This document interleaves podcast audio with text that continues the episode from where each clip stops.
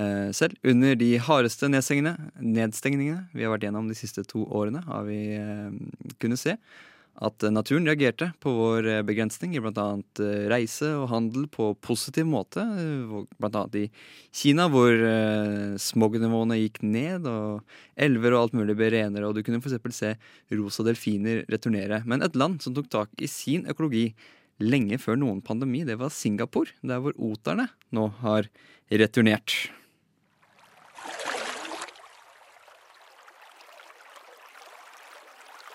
Singapores elver har alltid vært en sentral del av landets handel. Handelsskip fra hele verden fraktet varer både til og fra byens havn.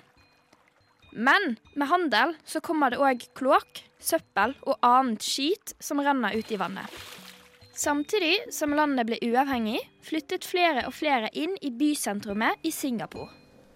Flere bestemte seg for å ta opp yrket som gateselgere og dette økte antall grønnsaksboder som lot avfallsvannet renne ut i elven. Vannkvaliteten i republikken ble dårligere og dårligere, og dyrelivet det led. Det var så lite drikkbart vann i landet at de var avhengig av sitt naboland Malaysia for å få tak i nok drikkevann til alle sine innbyggere. Dette ville statsminister Lee Kuan Yew sette en stopper for. I 1977 bestemte han seg for at han skulle gi landets vann et løft.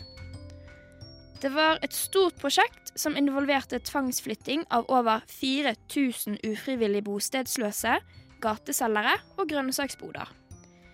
Disse fikk tildelt nye steder å bo, eller fikk nye steder å drive butikken sin av staten. De dro òg opp den stinkende gjørmen som lå langs kanten av elvene, og ryddet ut søppel og annet skrot de fant liggende.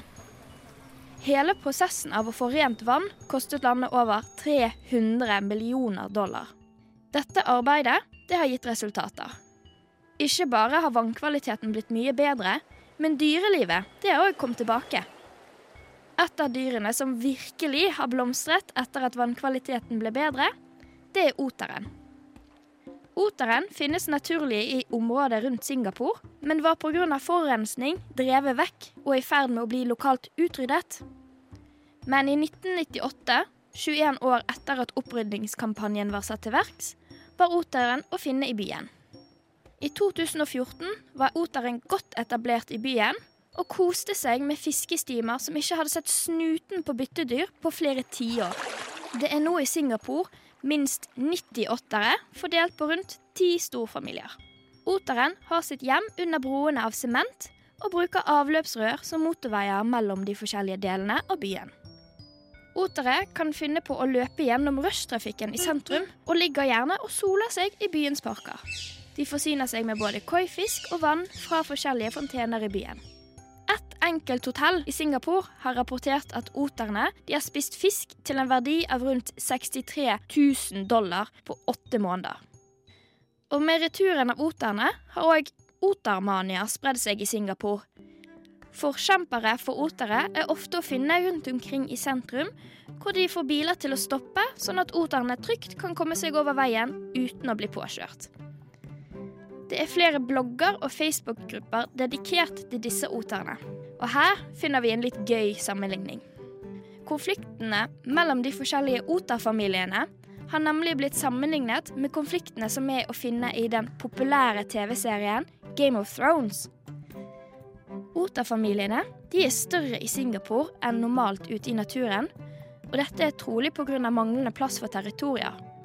Barna blir lengre hos foreldrene sine, og de forskjellige familiene er nødt til å slåss om både territorier og matressurser. Det finnes flere videoeksempler på dette.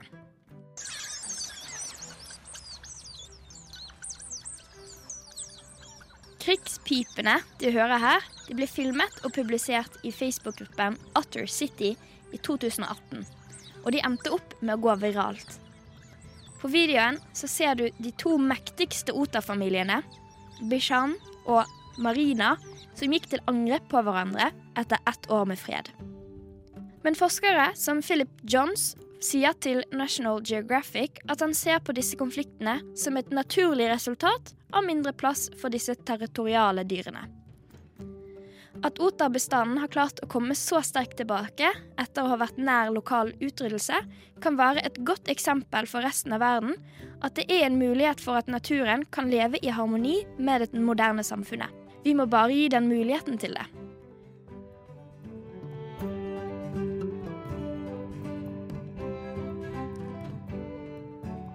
Og reporter i denne saken, det var eh, Lise Benus, som har snakket om oterne i Singapore.